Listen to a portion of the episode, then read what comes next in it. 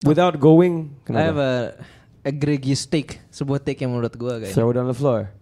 gue setuju Ant is the face, tapi menurut gue pemain paling penting dan nanti nanti di end of the ini semua orang bakal mengeluh kan ini Austin Reeves. Dia bakal jadi pemain paling penting.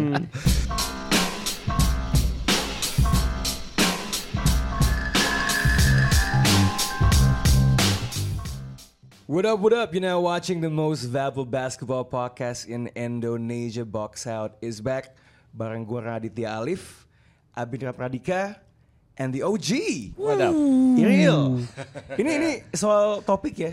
Ya. Udah di spoil sama bajunya Iril hari ini. Nah, Show it to the camera, bro. yuk kita nonton Piala Dunia Bola Basket. Lu dibayar berapa? Sama panitia FIBA to do this, man. Dia kayak mobil-mobil yang ada di itu. Iya. nanti saya pakai mobil baru lah pokoknya. Yeay. Ini- Tapi harus ada ini ya, harus ada QR code juga. ada tulisannya juga ada ada ada. Nanti at the at the very end ada satu lagi surprise dengan bajunya Iril ya.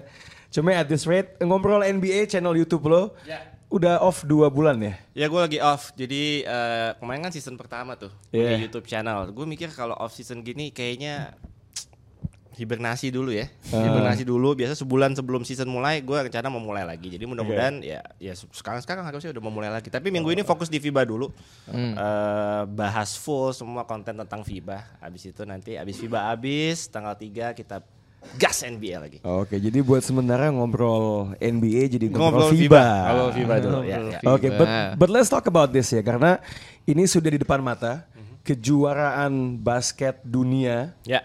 yang terbesar ya walaupun mungkin secara prestise orang masih ngomongin soal olimpiade but this is the World Cup of basketball and it is in Indonesia Ya. for the first time ever. Ini bagi lo signifikansinya segede apa nih? Piala Dunia Basket ada di Indonesia, men.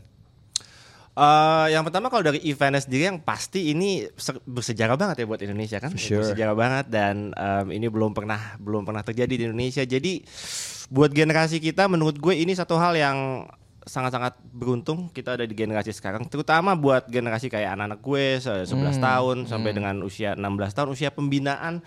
Menurut gue nonton pemain dengan level kelas dunia yang nantinya bakal main ke sini menurut gue itu satu apa ya, satu keuntungan banget ya buat mereka ya. Iya. Mudah-mudahan pengen makin banyak yang pengen jadi pemain basket sih sebenarnya. For sure, kapan lagi men. So, buat yang mungkin belum familiar, coba mau ngingetin aja. Ini ada 32 tim yang ikut di FIBA World Cup. Uh, di mana tuan rumahnya ada tiga, itu di Filipina, uh, mainnya di Manila, kemudian di Jepang, mainnya di Okinawa, dan di Indonesia in the newly inaugurated Indonesia Arena. Awas nih kalau misalnya Iril tiket nontonnya bukan VIP box ya. Um, nah, eh, apa namanya ada empat grup yang di Filipina, ada dua grup di Jepang eh, dan ada dua grup di Indonesia. Kita kebagian grup G sama H, di mana itu grupnya cukup juicy ya dari tim-tim yang yang main. Nah ini kita cek gambar ini full breakdown semua grup dari A ke B, ke C, ke D, ke E, ke F, ke G, ke H ya nanti we'll we'll go into it deeper. But let's start Abi Yes sir. dengan kan gini ya kalau NBA Hmm. itu tidak ada yang namanya group of death. itu sebuah konsep yang ada di bola dan di turnamen yang besar. Oke. Ya. Dari semua grup tadi, which is the group of death? Ada dua menurut gua. Setuju. Sebutkan. Yang pertama eh, Kanada, Latvia, Lebanon, Prancis. Yang di main sini. di sini ya di di grup H main di Indonesia. Yang kedua di Okinawa. Yang mana tuh? Jerman, Finland, Australia, Jepang. Oke, parameternya apa nih? Lo menobatkan mereka sebagai group of death. Kalau gue search di Google yang keluar itu. Oh, SEO ya? SEO Pak ya? Oke. Terus gimana, gimana? eh, jadi dari segi ranking FIBA juga ya. Ya. I think kalau misalnya dari em, grup H itu sendiri yang paling rendah tuh harusnya tuh si Lebanon. Mari kita cek itu Lebanon tuh 43. Ya ini Sedangkan yang lain kayaknya itu masih lumayan banyak. kan. bakal jadi shawarma ya. Sama. Jangan salah dengan Wild Arakji. Ya, oke, oke. Jago, Steve, jago, jago, Steve jago, Nash, Steve Nash di tengah. Iya, start start there Sorry, kalau gitu. um, Ngomongin yang paling lemah dulu aja, sekejap aja. Lebanon. ya. Jadi kalau Lebanon itu menurut ya again pasti di si Wild Arakji ini dia Goran Dragic-nya Timur Tengah lah kalau misalnya. Dia main di sini waktu Kidal FIBA Asia Cup. Asia Cup ya Dan betul ya. Electrifying banget. Keren.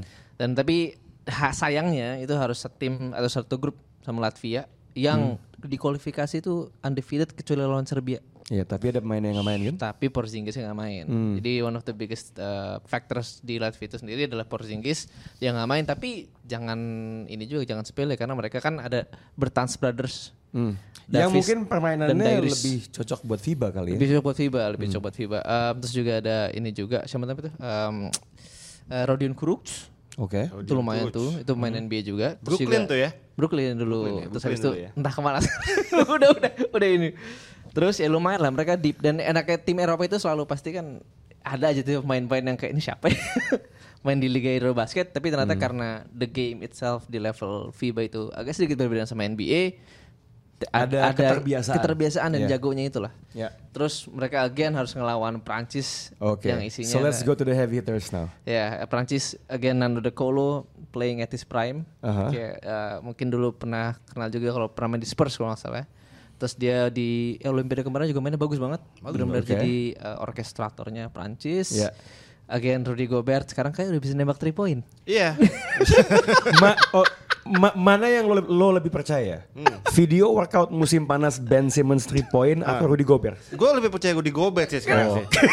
in, in game biasanya udah dapet Iya kemarin kan in game juga ada ada beberapa kali consecutive trades dia masuk loh nggak nggak diedit loh itu. Wow. Ini dia, gue udah sampai lihat nih detail ini diedit gak ya, dipotong gak ya, enggak enggak. Tiga empat kali betul-betul. Bukan deep fake berarti ya? Enggak. Terus Oke. Prancis deep lah ada Guerson de Buseli juga, Nicolas Yeah. Batum. Yeah, yeah. Ini last last lastnya dia. Lalu again, Olimpiade lah lesnya. Iya, Olimpiade ya. Oh, sudah 2024 ya nanti. Iya, ya. iya, iya. Paris tuh ya, Olimpiade Paris ya. Iya. Paris, Paris pas banget tuh makanya. Eh, yang terakhir Kanada di grup H ini, um, his favorite player, Shai. SGA. SGA baru nyampe kemarin katanya nyampe, tuh. baru nyampe. Itu Aneh. kayak aneh ya kayak masuk ke gue gak tahu apakah itu footage di apa Hotel ya sih. im- hotel ya Kayaknya. soalnya kan kayak ada ukiran-ukiran kayu Yeah. kan tapi yang jalan cowok-cowok black kan ada pada pakai durek semua tau lo pada pakai udah kayak Ludor. pada pakai durek apa eh, durek itu kayak semacam cap yang dipakai Iya, iya. yang kayak yang agak ketat gitu kayak, kayak kopiah gitu oke so here's a big question Hmm.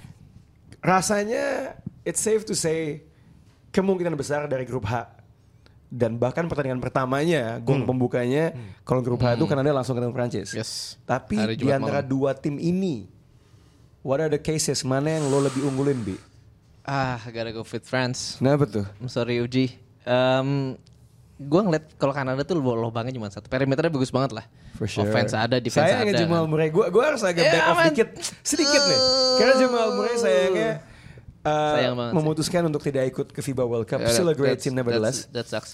Um, tapi Kanada ini sendiri lubangnya menurut gue ada di tengah. Walaupun again Zach Edey is great, potensi Hmm. pemain NBA tahun depan.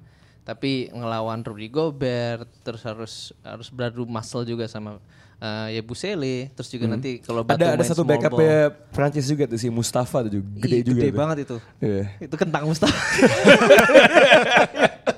Kalau kentang Mustafa sendiri itu Dia, dia tuh kayak Eiffel Towernya dua ya. Makanya bahaya banget kan dan I think that that's where ya France has the edge dan perimeter sendiri pun France bukan main-main kan yang tadi kita bilang okay. Kolo ada Ntilikinnya cedera tapi Out, sayangnya. Ya, out. cedera, Nah, cedera. that's Tapi- one minus point. Eh, but at least again kalau misalnya Shai bisa Mempenetrasi dan memprobing dan main di mid range maybe has a chance tapi I would still pick France. Tahan, tahan. What is the case? Gue gak tahu lo megang siapa Kanada atau Prancis, tapi Hmm. kalau bisa, what's the case? Kanada has the edge lawan Prancis justru. Ya, yang Abi bilang tadi sebenarnya benar ya kan ya, karena di Hmm. setiap kali international level senior turnamen gini biasa suka ada unexpected factornya yang Iya. yang, yang kita nggak pernah tahu ya. Pemain-pemain kayak eh, tim-tim kayak Italia nanti mungkin kita bahas juga Brazil dan lain-lain itu secara teamworknya bagus sekali gitu dan France menurut gue juga punya pengalaman di situ. Tapi skill wise, talent wise dan lain-lain Kanada keren man. Even without Jamal Murray menurut gue ya kayak tadi Abi bilang perimeternya itu benar-benar stack ya. Perimeter defense-nya bagus eh, backcourt-nya bagus. Hole-nya di tengah benar tapi Zach Edey menurut gue ini satu panggung buat dia. Purdue.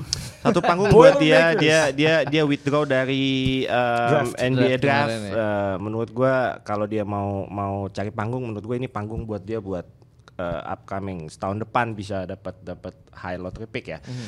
Tapi um, Kelly Olynyk of course eh gua ya gua suka juga cuma itu salah satu alasan kenapa USA pakai Walker Kessler karena teammate Kelly Olynyk juga.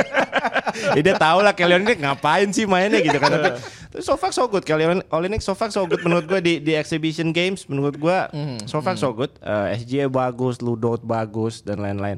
Eh, gue harus ber- berlawanan sama Abi. Gue gue Kanada gue. Asik. Ka- coming coming out dari grup grup H eh, Kanada gue. Hmm. Oke, I think Kanada kan oke sih. C-nya Kanada kan. Oh, Oke, oke, Enggak, sama tapi Kanada.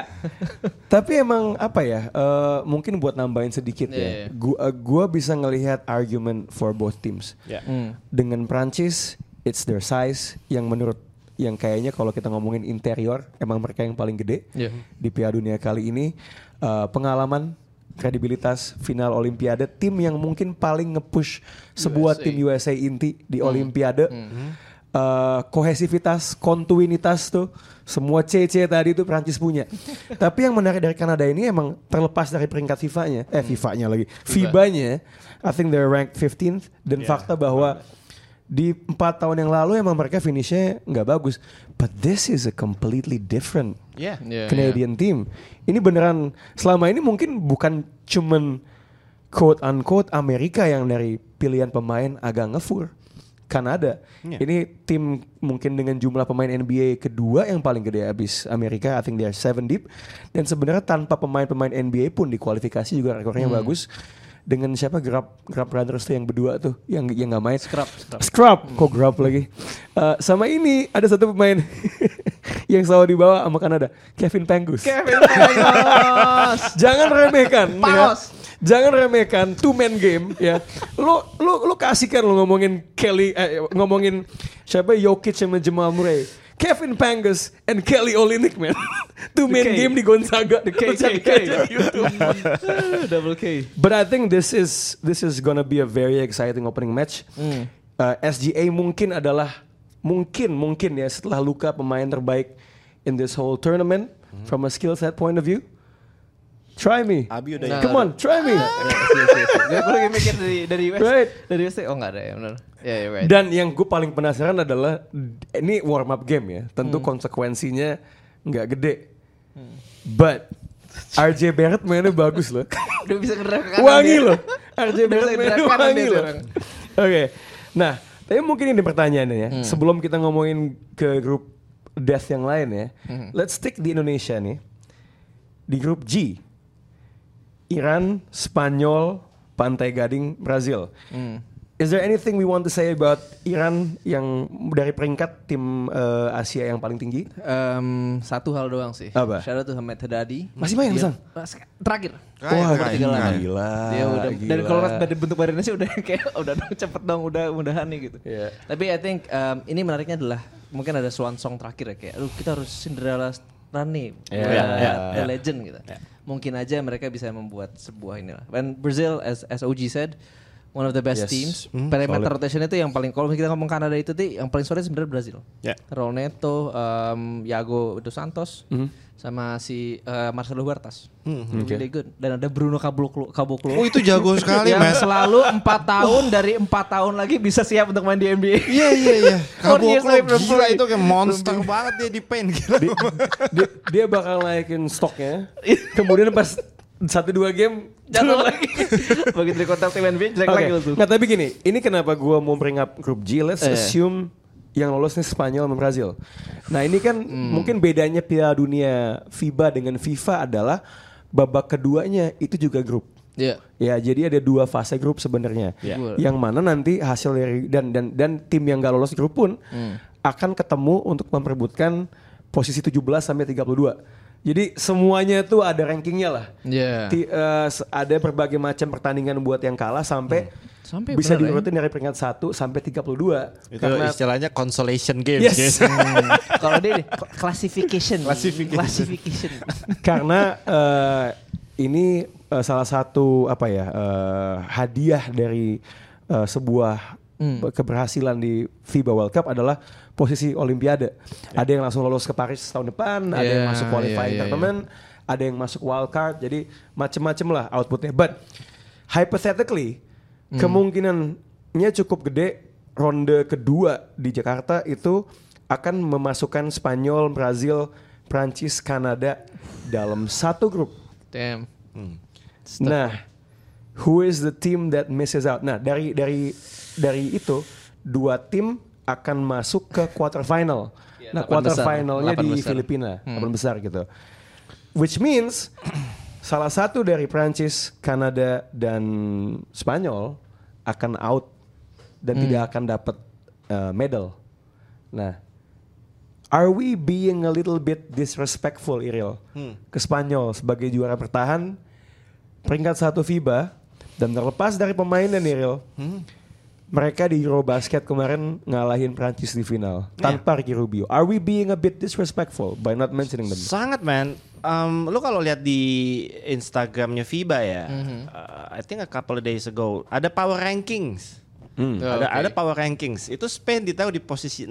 Wow. Wow. Ditaruh di posisi 6 man. Jadi uh, the disrespect is real menurut gue ya. Semua gue rasa semua pengamat, semua fans udah tahu bahwa Hmm. ini Spain dianggap jadi underdog banget di di di tahun ini. Mungkin karena mostly karena umur ya, karena umur dan uh, menurut gua secara regenerasi ini juga nggak nggak nggak belum kelihatan yang upcoming upcoming rising rising stars playersnya belum belum terlalu kelihatan. Jadi masih mengandalkan semua uh, tim-tim yang kemarin gitu kan. Jadi mudah-mudahan sih bisa bisa bisa ya bisa bisa mengejutkan lah Spain. Tapi itu that's one thing yang agak sedikit ini adalah 2019 waktu juara eh sorry 2022 kemarin waktu juara itu mereka ada Lorenzo Brown MVP-nya Eurobasket I think a couple of years ago. Sekarang nggak ada cedera. Jadi without Lorenzo Brown without Ricky Rubio ya I think Sulit. The coaching susah. of Sergio? Karena eh, gue nggak tahu ya kalau Rudy Fernandez bisa tiba-tiba balik ke waktu zaman dia waktu dia masih di Blazers nih. Ah. Tapi I think agak sulit untuk I- I'm buying low apa sorry gue selling on Spain. Oke. Oke. Nah, but I think six like they, they won't be able to compete lah tanpa si Rubio sama Lorenzo Brown. Oke, gua, gua bagi gue Sergio Sergio Yui. Nggak soalnya gini, gue tuh lagi mikir ya. Oke, ini semua orang ini lagi meremehkan Sp- Spain. You never count out sebuah juara yang mungkin tim yang paling accustomed to, to the way uh, gaya FIBA main dengan mungkin salah satu pelatih terbaik di Eropa. Dan gue tuh ju- juga lagi mikir sebenarnya bi, Kayak apakah kita lagi terlalu nge-overrate Rudy Gobert di Prancis sebenarnya? Because uh, Um. di Eurobasket he got smoked by Willy Hernan Gomez, bro. Tapi di final, final. Juancho yang bagus. Eh Juancho, but 27 enggak. I, I saw the box score. Both of them had Yeah, more points than Rudy Gobert. And Willie was the MVP. Yeah. Hmm, no, I think it's still still deeper lah. Still, I think still I'm still going with France. Um, even Okay. karena ada Evan Fournier juga. I think we haven't talked about Evan Fournier di FIBA. It's like equivalentnya Patty Mills. Iya. di FIBA kan kayak Fair suka game. ajaib tuh dan, dan dan dan dia ada ada ada point to prove ya. Eh, apalagi habis eh, keluar dari rotasi Masih- di Knicks. masih. Maksudnya at the Oh. end of the rotation iya, iya, sorry, sorry. di Knicks musim kemarin. So this Iya. is ini panggung dia. Berarti pa- paling fresh tuh dia tuh nggak main setahun. Tim yang lain kan udah Yeah. capek main setahun dia kagak main-main. Cuma cuma cuman yang yang yang juga harus kita pertimbangkan ya. A FIBA situation is different sama NBA. It's one game, right? Iya, iya, iya, Anything can happen in one game. In game adjustments akan menjadi key gitu. Jadi gua nggak nggak kaget juga nih. Despite the disrespect, kalau misalnya ujung-ujungnya Spanyol yang lost, Menarik. I, I I wouldn't be I wouldn't be uh, surprised. Apalagi if Santi Aldama. Ada uh, Usman Garuba. Garuba. Usman Garuba. Pemain. Jumping out of sih, Usman. Garuba. For sure, for sure gitu.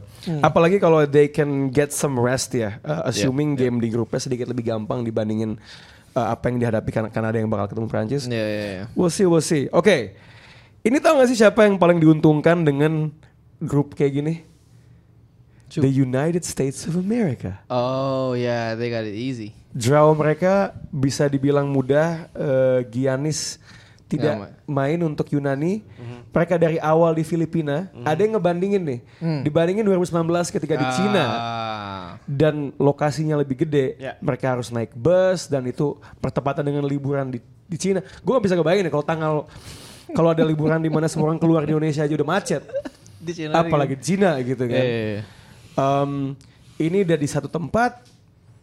Di, mereka tidak akan ketemu tim yang mm, mungkin tough sampai semifinal bahkan if they make it. Bahkan in their side Serbia juga nggak ada Jokic Oh, Oke. iya. gitu. But talk to me a bit. Lo sempat ngepost uh, real tentang tim Amerika tahun ini. Feeling lo gimana dengan tim ini dibandingin yang tahun lalu? Eh yang 4 tahun lalu? Eh kalau segi pengalaman sih tim yang tahun ini sama sekali nggak punya pengalaman ya. Sama sekali nggak punya lap- pengalaman dalam senior eh, international turnamen ya. Ya. Eh, tapi again gue suka coaching staffnya suka sekali sama coaching staffnya Um, Steve Kerr, Ty Lue, um, si Spo juga ada di situ. Eh, ada Grant Hill juga sebenarnya di situ. Tapi Dirtek secara secara, secara pemain menurut gue komposisinya menurut gue nanti Abi mungkin bisa nambahin komposisi dari eh, backcourt, frontcourtnya, uh, swingman-nya, wingnya dan lain menurut gua pas dan gue suka gitu loh. Dan gue suka. Pemain paling seniornya Bobby Portis. Bobby Portis umurnya Maskot, berapa? maskot. Presiden. Iya, umurnya berapa? 27, 28. Mungkin dia paling tua. Brandon Ingram kedua, 25, 25 tahun sama Brandon Ingram. Tapi yang paling kelihatan menonjol sekali di exhibition games dalam 5 games itu adalah Anthony Edwards. Menurut gua dia akan boy, nice. didandanin untuk jadi go to guy-nya tim USA. Eh, hopefully dia bisa nanti. Tapi overall secara tim sangat-sangat komplit menurut gue gue suka dengan size-nya walaupun sedikit sedikit undersize memang. Tapi um, uh, backcourtnya gue suka banget sih kan. Uh, Hali gue suka sekali sama Hali. Uh, Jalen Brunson juga gue suka sekali sama dia. Uh, defensive guardnya juga gue gue lihat bagus-bagus ya. Josh Hart, ada ya. ada Mikal. Josh Hart, ada ya men- menurut menurut gue komplit lah timnya. Pemain-pemain muda yang sama sekali tidak ada yang dominan. Gue suka tim ini karena tidak ada satu pemain yang berusaha untuk dominan menurut gue. No, ya. Dan dan Steve Kerr berusaha nyelipin pola-polanya Golden State Warriors dalam offense tim USA itu udah kelihatan di beberapa exhibition games. Menurut gua nanti bakal kepake banget di di di FIBA World Cup nanti ya. Pasti akan menyenangkan sih menurut gua nontonin tim USA nanti menurut gua. Kayaknya it's always a given nih kalau USA um, sekarang ya pun akan jadi ung- unggulan pertama ya. Tapi kalau kita mencoba nitpicking nih, what is the weaknesses? Uh, satu yang udah diimply sama Iriel kan is about the size. Ya mungkin itu kenapa lo mengkontraskan dengan dengan Prancis ya. Because kayaknya kalau adu rebound kayaknya mungkin akan sedikit susah. Ya. Walaupun menurut gua nggak kaleng-kaleng juga gitu. You have Walker Kessler, Ya. kemungkinan besar di masa depan bakal jadi DPOY Ya. and the reigning DPOY. Ya. Um, menurut gue sih front court uh, mau dibilang ini sebagai sebuah kelemahan, I think it's at the very least dengan pengecualian Brook Lopez at the same level dengan 2019 sebenarnya. Brook Lopez Yeah, dibawa yeah. di 2019 gitu. I mean itu their cen- center rotation di 2019 was Brook Lopez, Miles Turner sama Mason Plumlee. Mason Plumlee Yeah. like- Um, tapi tapi tapi kalau kalau kita mencoba mencari kelemahan yang bisa dieksploitasi selain size tuh apalagi menurut lo men? Kalau misalnya ini sih, I mean um, uh, OG dari writer um, lengkap semuanya ada kan di, di, di roster. Yang menarik adalah ketika mereka ketemu lawan yang bisa slow things down. Hmm. Karena kalau kelihatan dari Steve Kerr yang tadi elemennya ada banget termasuk main cepet dan main kecil. Hmm. Karena I think mereka sometimes akan uh, ngeluarin Kessler atau JJJ as a lone big man lah di, Hmm. di situ kan. Dan Portis pun agak undersized. Dan gue tambahin abis dikit. Steve Kerr itu suka sekali sama Bankero. Ah, Di elemen 5 juga jadi, kemarin. jadi seringnya. Walker Kessler pun secara sebenarnya out of rotation juga kemarin di beberapa games awal Yeah. di exhibition dia lebih suka mainin Bankero sebenarnya. Itu floor. sebagai itu menurut gua nih lah plan B kalau misalnya ketemu kayak Gobert, Willy itu nih lima dua tiga volt lah buat rebound.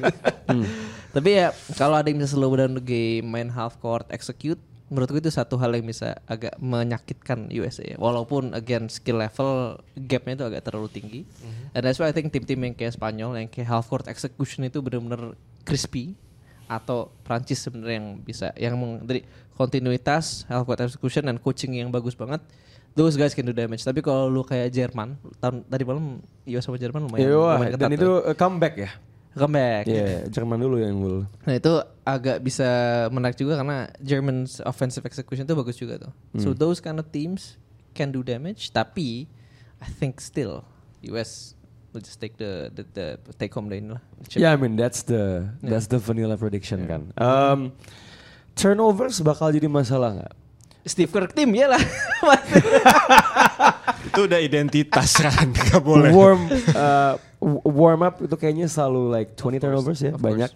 Satu statement yang menarik ya, to echo your point soal slowing the game down. Yang dibilang sama Steve, uh, Steve Kerr setelah eksebisi di Abu Dhabi adalah the only way tim lain bisa ngalahin kita adalah kalau jumlah possession mereka lebih banyak. Eh, offensive rebound, not so that mm, I think slowing down is also Yeah, part of that yeah, gitu. Kalau jumlahnya sama tricky. Yang jelas sih satu, satu kekuatan yang kayaknya Amerika menang jauh sih transitionnya. Yeah. Kelihatan banget dari warm up game eh, lawan habis nge-score dia belum set up udah kecolongan tuh. Hmm, A lot of jump passes from Hali gue lihat. Ya itu kan kebiasaan Yeah. dia tuh Lo- lompat baru mikir. Iya. Eh, yang tentu eh, cantik di highlight ya. Iya. Tapi nanti kita lihat mm, gimana manifestasinya di Piala Dunia. Now, Ya. without going, I have kenapa? a egregious take, sebuah take yang menurut gue guys. Throw it on the floor. gue setuju Ant is the face, tapi menurut gue pemain paling penting dan I think nanti di end of the ini semua orang bakal mengeluh kan ini Austin Reeves. Dia bakal jadi pemain paling penting. Eh lu kenapa manggil Austin Reeves di Instagram lu Aris? kan AR 15. Karena kan Oh, gua gak mikir AR sampai ke sana. 15. AR 15. Bentuknya mirip banget ya, kayak orang nama Aris tuh kayak. Jadi kan Aris kan kearifan lokal biar lebih catchy juga ke netizen kita. Aris tapi Aris ini it's it's his moment ya menurut gua off season ini dia dapat signature shoes. Itu dari- sold out in less than an hour I think. China Eh, punya ya? China, China, Oh, that's China nice. brand yang followernya brandnya juga masih di bawah 10 ribu. tapi Tapi bisa habis. Wah gila, marketing campaignnya luar biasa. I think his agent bener-bener eh, dapat nama banget ya. Ya, tapi kita nggak usah bahas agentnya. Eh ya tadi bener lah Abi. Biar gimana pun, he's the fan favorite kan. Iya. Aris, eh, kita bilang Ant-Man leading scorernya di tim USA juga pasti orang datang ke Manila mau lihat si Aris juga. Pasti lah. Hmm, ya, I mean sebagai pemain dari fanbase basket Paling besar. paling ya. Iya. Gue gak tahu yang satu berdua ya, mu- mungkin Sama masih. Warriors ya. Masih betul. Iya. Cuma, cuma mungkin lebih ke karakteristiknya si Austin Reeves ya. Ya, I think I think- I bola think jatuh, satu hal yang- dia akan yang pertama tuh. Satu hal yang distinktif adalah Apa? the- I don't feel that there's I mean tim USA saking deepnya the second unit Hmm. is always good. Ya. Ya. Cuman gue yakin ke- kita berkaca ke let's say di Olimpiade pasti ada slide dropnya ke second unitnya. I'm not really sure that exists buat tim Yeah, yang ini sebenarnya. Karena kan dia bilang oke the go to guy yang dapat uh, hak untuk take over ya untuk menembak jadi mungkin hero ball dikit udah jelas si Ant, right? Steve Kerr udah bilang kaptennya is Jalen Brunson Iya. right? Nah tapi kalau kayak lihat yang kemarin itu Halliburton sama si Austin Reeves yang sebenarnya kontribusinya gede dari second unit and I don't think there's that huge of a decline sama gitu levelnya sama and I think itu yang striking bukan cuman masalah depth tapi ibaratnya tuh kayak median atau Yeah. meannya tuh Yeah. sama Yeah. sama gitu loh like they're all on the same level Hmm. gitu dan itu yang menarik dari tim USA so Gua- gua bisa baca banget di, bisa banget Gue baca di, um, I think beberapa hari yang lalu gue sempat lihat ya ada ada satu artikel yang ngasih lihat bahwa lineup uh, lineup terbaiknya USA itu Hmm, itu adalah Jalen Brunson, Ant-Man, uh, Mikal Bridges, uh, Brandon Ingram sama JJJ. Jaren Jackson Jr. Hmm, hmm. Itu- Starting five sekarang itu kan. Itu starting five mereka yang terbaik ya. Yeah. Gitu. But the thing is you change uh, Mikal sama I- even if you Josh Hart Jalen Brunson sama Hali, nggak beda jauh pasti. iya, you, you- lo bisa make the case assisting bagusan Halliburton Hali. mungkin. Ya, jadi ya, jadi ya. sebenarnya menurut gue ketiadaan drop off-nya yang sebenarnya menarik kalau kita mau mengkontraskan dengan mungkin bukan apa ya eh, bintang A1 gitu di tim USA kali ini. Nah, we have been showering a lot of praises buat tim USA tanpa terlalu masuk ke dalam grup per grup nih. Selain tadi udah disebutin Kanada, Prancis, Spanyol, siapa lagi nih dari sisa semua tim yang menurut lo paling punya potensi ngerepotin US? I have a team in mind tapi gue pengen tahu lo dulu bi. Jerman tadi udah kesebut ya. Germany dari is interesting though. I don't I don't think people are talking enough about Germany. Gimana men? Saudara nyebelin banget. Jadi saudara tuh nyebelin banget jadi pemain. Tapi jago. jago bakal. Menurut gue jago sekarang jangan-jangan FIBA Dennis Schroeder itu lebih valid daripada FIBA Patty Mills loh. bisa jadi bisa jadi Ah. bisa jadi. So I think gue ada empat tim lah ya yang di banyak ya. Tiga Yeah. deh kalau gitu deh gue kurang. Ya sebutin yang paling yang pawaling-pawaling dulu deh. Pawaling pawaling ya. Ah. Em, Slovenia. Oh oke. I Gue nggak yakin tapi ada. Terus, Slovenia is good. ah. Eh, tadi Jerman kan gue di sekarang Yeah. gue udah ngomong. Um, I'm gonna take Australia, but I think you're gonna take Australia. Jadi gue Iya, gue bingung lo nyebut Slovenia sebelum Australia. karena gue udah tau mau Oh. Australia. Iya, go, go, go. Um, satu hal lagi yang mau gue ini adalah si Itali. As Oji said. Oh Itali. Ya. C- mu- Ini kan yang mungkin orang nggak terlalu tahu tuh Itali, Hmm. yang dihianati Paolo Banquero tuh. Ya itu dia makanya. Nggak, tapi what's so special about Itali? Eh, menariknya Italia itu mereka mainnya pinter, Hah? cepet. That's two things yang menurut gua agak-agak menarik karena nggak ja- jarang-jarang tim Eropa main cepet banget kan. Hmm. Biasanya kan kayak ah, santai, set play dulu dan kawan-kawan. Tapi mereka tuh isinya ada beberapa pemain menarik, Simone Fontecchio, Luigi Datome, terus ada juga Achille Polonara. Menurut gue tiga itu tuh forward yang kalau dikasih bola they can operate like a guard. Hmm. Dan beberapa apa ya? Satu hal itu main juga yang menurut gue menarik. Nico Mannion. Oh, ini mainin ya? Yang yang pirang gitu. Eh Ya. enggak enggak, enggak yang yang merah rambutnya. Ya kan? dulu di Arizona kalau nggak salah. Ah. Terus pada di draft sama Warriors, Ya, ya. main di Olimpiade, terus ngilang karena sakit infeksi usus apa apa gitu. Oke. Oh gitu. Terus sempat bounce back. Now is kind of jadi eh, sama Marcos Pisu jadi dua dua guard combo yang menurut gua menarik lah. Oke. And I think ya Italy and uh, Germany lah from my side. I think it's those, eh sorry Italy sama Slovenia those are like Oke. interesting teams. Ada yang belum disebut atau lo mau double down real? Kanada belum disebut tadi. Kanada kan udah di, awal, Oh tadi di awal. Iya. Oh yang belum disebut. Iya. Iya Luka kalau mau carry lagi sih capek sih sebenarnya. Cuma cuma Slovenia is a clear group F winner ya menurut gua. Group F Iya. itu very very easy buat buat Slovenia. Iya.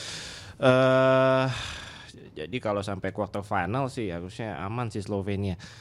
Eh Kecuali Italia, Mike? Italia, Oh, Italia, Italia. sih, Oh, oke. Italia. Em, Finland, Finland, Finland enggak, tapi one, one, man crew banget ya terlalu One man. Katanya Lauri tapi setelah wajib militer tuh makin makin makin jadi loh katanya. kan dia suami lo kan. Iya iya iya. Eh, Australia, mohon maaf, gue melihat Australia sedikit overrated. Sedikit ya, sedikit. Okay, I'm, I'm, I'm, sedikit. I'm a back off. Menarik. Coba coba coba. Gue juga gak kaget nih dengan dengan prediksi. nggak tahu gue uh, overrated dalam artian exhibition games mereka nggak perfect. Tapi Yeah. tapi gue nggak mau itu Oh iya, jadiin kalah sama barometer aja. Kalah Iya. Eh, itulah kenapa tadi gue bahas soal Brazil. Hmm. Karena gue nonton banget itu Brazil lawan lawan Australia. Australia dan Hmm. Brazil lumayan keren sekali gitu. Hmm. Entah Australianya yang underestimate Mhm. dan nggak full power juga karena ini exhibition games aja tapi di game itu gue lihat bahwa Australia overrated man Hmm. Australia overrated tapi hopefully hopefully nanti things change ketika benar-benar udah nanti uh, mainnya Oke. ya tapi sejauh ini gue melihat Australia sedikit sedikit ya sedikit overrated jadi, Jadi- misalnya misalnya nih overrated kan misalnya Australia tuh ditaruh di peringkat tiga misalnya ya Yeah. Oke. Australia misalnya tiga kalau gue bilang sedikit overrated dia tuh turunnya harusnya kelima lah Hmm. misalnya kayak gitu sedikit ya Ini gimana? Actually, nggak nanti lo dulu. But I I have some thoughts on this. Oke, lo dulu deh kalau gitu. Oh karena gue agak setuju sama Irda Iya. sih sebenarnya. Maksudnya kayak bukan overrated tapi lebih ke arah kayak situasi ketika di awal drawing gitu-gitu Aha. sama sekarang udah jauh beda. Hmm. Eh Jock Landale cedera. Out, Iya, ya. iya. That's a big blow. Mhm. I don't think dua Prith itu siap lah untuk menjadi Yang nombokin di mukanya di Gobel. Iya belum gua kayak from a full game perspective belum sempet dan Eh. mereka agak tergantung sama three point. Mhm. Kalau lagi bau banget ya kayak kemarin waktu lawan Brazil tuh bau banget. Hmm. Dan Brazil wangi banget. wangi banget. Kayak- wangi banget. Kebanting banget tuh. So that, that swing factor itu ada it's real. Dan ketiga mereka akan kesulitan ngelawan center. Yang di mana di World Cup tahun ini ya, menurut gua kualitas big man itu bagus-bagus banget. Bahkan tim-tim kecil itu yang jagonya gara-gara big man ya. Jadi kalau mereka nggak bisa nangkep nahan, kemarin kan dia sama kok di obok-obok. Hmm. Ini ya, gue tuh habis dengerin ada podcast basket Aussie ya, namanya Ball and the the World ya. Itu eh, ada gue lupa jurnalis Australia yang nge-cover basket internasional sama si Brian Windhorst. So they had an exchange. Look Longley ya, Look Longley. They could use Luke Longley Iya, sebenarnya di sini. bisa lah tuh. Atau ya Andrew Bogut lah minimal. Atau Ben ya. Simmons. ya pasti lah ada. nah, cuman eh, sebenarnya satu tema yang dibahas adalah eh, ini tuh tim Aussie lagi di situasi yang bagus atau lagi transisi. Karena kan they medaled di Olimpiade dan mereka peringkat 4 di em, FIBA 4 tahun yang lalu kan. Asia juara lagi kemarin. Masih juara. Nah, uh, the thing about Australia adalah ada satu generasi yang udah mau selesai nih. Which generasi Joe Ingles Patty Patty Mills. Mills. Ya. Udah tua nih. Dan sebenarnya kan kalau lo ngomong soal dia syutingnya nggak wangi, ya itu kan Patty Mills nih yang Ya, tidak two, terlihat ya. Ya. Nah, jadi sebenarnya swing factornya adalah apakah dua pemain mereka yang paling yang decorated leadernya veterannya bakal wangi ketika game time atau enggak. Nah, dengan pengalamannya, gua akan agak betting bahwa itu akan terjadi. Oke. Tapi yang exciting adalah, yes, lu ngomong kualitas soal kualitas big man, walaupun big man paling hebat di dunia nggak main ya. Yo. Maaf, dua big man, tiga big man paling hebat di dunia nggak main malahan. Joel. Giannis Joel. Ah, Ya, oke, so maybe a bit blowback on that ya. Cuman salah satu hal yang menjadi kunci juga di game internasional adalah backcourt and having a big backcourt. Ini adalah waktunya Josh Giddy yang take over. dia. Dia merendah atau meroket. iya emang enggak dia nih menghindari nge- nge-jinx Josh Giddy nih. Gitu. Dan dan menurut gua itu juga ada matchup problemnya sebenarnya Iya, I see. di in the FIBA game. And what is his quality? IQ, IQ, ya. dissecting defenses Ya. in the half court. Nah itu yang menurut gua bakal Hmm. jadi satu kekuatan buat Australia gitu. And having a good day shooting wise. Dan jangan lupa juga men, Dante Exum. Dari podcast tadi gue tahu ternyata dia dua musim terakhir itu Bagus banget di Eropa ya. 40% uh, di, di di FIBA from the three point line. So menurut gue sih Translatable? I think so. Oke. I think so. Dyson Daniels malah salah satu pemain cadangan jatuhnya di di, di, di, di timnya. Iya. Um, ya Matthias Tybul nggak bisa nge-shoot, but Fireball. You can always use him as a defensive stopper. So menurut gue banyak banyak pieces di mana Australia ini tim yang kuat. Nah sebenarnya tadi lo belum terlalu banyak ngomongin soal Jerman. Tambahan, I think Jerman yang yang yang belum Menarik terlalu diomongin. ya. Menarik banget ya. FIBA Schroeder, Viva Schroeder. the Wagner brothers. Uh, Franz. I like Franz. Pemainnya banyak yang bisa nge-shoot, banyak yang tinggi, and they can Andreas switch, Oaks. and Yeah. they can switch. Itu dia yang Yeah, Itu yang bagi menurut gue menarik. That's why they push Kita, problem. kita ngomongin tim play dari offense, they have good team play dari sisi defense juga. Dan menurut gue. Schroeder tuh selalu menurut gue Schroeder tuh defense selalu over uh, underrated. Dia tuh pesky banget. Jahil, Dia man. Low-key Kemarin dia. dan dia itu yang menurut gue kalau di kompetisi-kompetisi kayak gini ya, lu bisa bikin kesel lawan, that's an advantage. Dia kemarin apa Dylan Brooks Oh iya, bener, di- dikadalin. lagi mau Iya, dua kali, dua kali, dua kali, dua kali. Wah, Ironisnya dia baru pindah ke Kanada kan. dia bakal main buat Raptors musim musim depan kan. Well, basically ya, they're, they're they're interesting dan hampir semua big man-nya bisa keluar, walaupun gak ada Kliba, Aha. tapi uh, Johannes Timon, Johannes Voigten bisa keluar semua dan bisa nge-shoot. So I think that's what I like about them. Spacingnya bakal oke with all of that shooting. Oke, Paling mirip sama US. satu tim nih, satu tim yang belum kita bahas nih. South Sudan. Yes, let's go. Uh, By the way, shout out itu itu pertama kali masuk kan. Ya debut, Yes. debutan dan, dia, dan, debutan. dan, dan baru berapa tahun uh, Eh, kayak berapa belas deh kalau di, nggak salah. di bawah Luoldeng ya, 2003, di bawah Luoldeng. sebagai dirtek Kita 78 tahun gak pernah lolos. Tapi tapi kan orang Sudan emang tinggi-tinggi kan. Wah, monster, Punya size. Pak. Nah, gatal langsung. Bener-bener pa- nggak panjang itu loh. Saya sih bukan tinggi tapi ke sampingnya pun Kan ada ada ada suku apa di di Sudan tuh yang tinggi-tinggi? Di, Dinka ya lupa gue. Ah, gua lupa. Jadi jadi apakah itu mendukung debat soal size? Kayak itu Size itu bukan ke atas doang menurut gue, Oh, samping iya. juga. Wingspan, otot. kayaknya gue baru sadar ya di pembahasan basket ya. Hmm. Bubur diaduk dan tidak diaduknya. Split bill-nya. ya. Itu adalah basket tuh tinggi badan atau bukan? Iya. Kayaknya itu yang selalu selalu jadi goreng deh. Tiap tiap dua tahun nih ada aja yang bawa. It only needs satu orang bilang kita kalah tinggi badan. Wah, Langsung keluar posnya iri. Sampai dikomentarin Bentar, bentar, Abraham Ra- Rahita. Makanya gue ngobrol NBA. the best man. Kalau kalau netizen bilang Indonesia itu kalah tinggi Iya. aja itu Iya. salah. Iya, Kalah tinggi ya. Aja. Tinggi. Kalau kalah size itu benar. Iya. Karena size itu bukan cuma soal tinggi netizen yang budiman. size itu tebel otot dan lain. Jadi kalau Kita lagi ngomongin apa ya, tebel, ti- otot. tinggi ke Size matter. tinggi doang yang nggak bisa lah. Maksudnya ya emang kalah tinggi juga benar Culture. memang. Tapi kita kalah size. Kalah size iya. Kalah size. Tim putri bisa. Oh iya benar. Eh belum shout out tadi. Lupa. Oke, oke. Selamat Bagus buat tim sekali. putri kita yang masuk ke Keren. Asia Divisi A sang Keren, jatuhnya ya. keren, keren, keren, Menang keren. lawan siapa aja kemarin? Iran kalah. Iran, Thailand. Thailand. Uh, honestly, I forgot, but they swept the Respect. competition. Kenapa ya? Emang kita nih negeri basket ya. Oh, emang banget. Prestasi bak cowok dan cewek pun. Nggak sekarang gini ya. Akunnya ada ngobrol basket, ngobrol NBA, Eh, main basket, main bola ada nggak ada kan? bo- boleh juga lu con lo. Sampai ada gimana? Apa, ada yang bikin habis ini. Iya, iya. Makanya udah udah saatnya ini ya Liga Basket Liga basket ya. perempuan. Oke. Oke, gue mau kembali ke topik just Sorry, one sorry, last team yang belum dibahas nih, man. Dominican Republic, bro. Anthony Towns. Di grup A.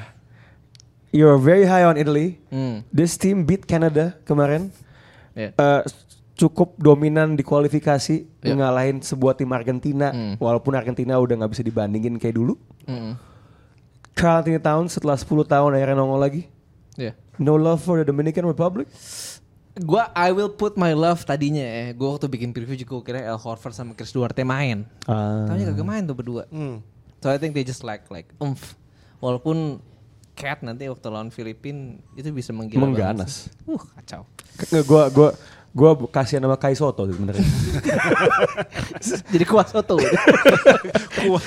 Disotoin ya. Disotoin, Dikasih ya. koi amokan.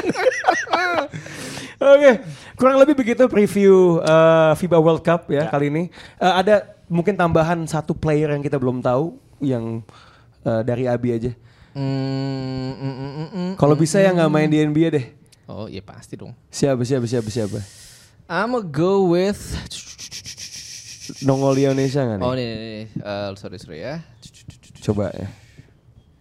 Siapa men? Siapa siapa siapa siapa? Tapi nanti panjang buat ya. gue juga ya Bi. Siap. Namanya Jangan, jangan terlalu picky, pilih aja. Nah, namanya Tornik. Gue lupa depan namanya Toko Shengelia, Tornike Shengelia. Oke. Power forwardnya Georgia. Gue Oh, gue kemarin nontonin dia, kan lagi ngeliat previewnya kan. Um, Georgia itu kan yang kita tahu Hmm. Goga sama Sandro itu. Sandro Mamulashvili. Iya. Nah ada juga namanya um, satu ini Tornike Shengelia dia big man, main Hmm. di empat, bisa bawa bola, bisa nembak, bisa ngedrive, good defense as well. Dan dia di beberapa tahun terakhir di Eurobasket tuh udah lumayan ini banget lah, Hmm. megang banget lah. Dan dia satu hal yang menarik banget nih menurut gue. Dia tiap ke tim mana pun di kontraknya selalu ada klausul. Gua akan membela negara gua. I will play for my country no matter what. Oh jadi nasionalis, ya? Nasionalis banget. Nih, bah- bahkan waktu dia kualifikasi kemarin, hari Jumat main kualifikasi Euro, Sabtu main di Euroleague, Minggu kualifikasi Euro lagi. Oh. Gila. wow. Gue menurut gue ini perlu sebuah spotlight. Wah, ini Tornike nih, ini, ini ini pemain yang paling cocok buat Erick Thohir di bola nih. ini kan kan dia ada kayak kalau nggak mau ini nggak usah lawan Portugal karena ini ini nih ini nih yang dicari. Harusnya dia dibawa ke sini nih. Jadi nanti harusnya Pak Erick Thohir terbang nih ke Ke Georgia. ke, Eh, ya, oh, ke Filipina, Jepang. ke- di Filipina. Eh Enggak, Georgia itu di Jepang. Georgia Sorry, tuh di F di Jepang. Jepang Jepang bener. Kok- Jepang ke Jepang nih langsung ngobrol. Gimana caranya? Georgia tuh debutan juga kan ya? Debutan. Iya, first Debutan time, juga first tuh. time, respect. Dan sayang juga, saya nggak tahu di Okinawa ada restoran Georgia atau enggak. Tetapi di Bali ada loh. Ada di Bali. Jadi ha- mungkin Makanan dia, makanannya apa? I don't know exactly because I've never been there, Oh, okay. but I've heard there's a Georgian restaurant. Ya kayaknya roti-roti pitaan agak kayak Rusia Asia Tengah gitu. Oke. Piroski gitu-gitu. Nah, kurang lebih itu preview kita soal FIBA World Cup. Jangan lupa untuk uh, mengikuti semua keseruannya di Box Out, di Ngobrol FIBA dan tentu nonton langsung di Indonesia Arena dan kalau ada yang nanya nontonnya di mana, beli tiket di mana? Iril di mana, Ril? Ah, bisa beli tiket di belakang saya. Bisa bisa diputar coba, ya? coba, coba. Nah, Nah, ini ini nih. scan aja Coba ini. pindai untuk Kasih membeli lah, nah. ya. Jadi kalau misalnya di tengah jalan bingung, oh eh, saya saya beli tiket di mana ya langsung cari ini Iril nih. aja gitu. Dia kalau pakai link ini ada ini nggak masuk ke ini lo nggak? Pakai kode Kode referral. oh gitu mainnya skemanya gitu ya. gitu. Semakin banyak konversi semakin dapat cuan gitu. Ya dia tolong dibagi juga deh buat box out. ya boleh, gitu ya. boleh. Oke. Anyway, this is it buat edisi FIBA. This is box out and we are out.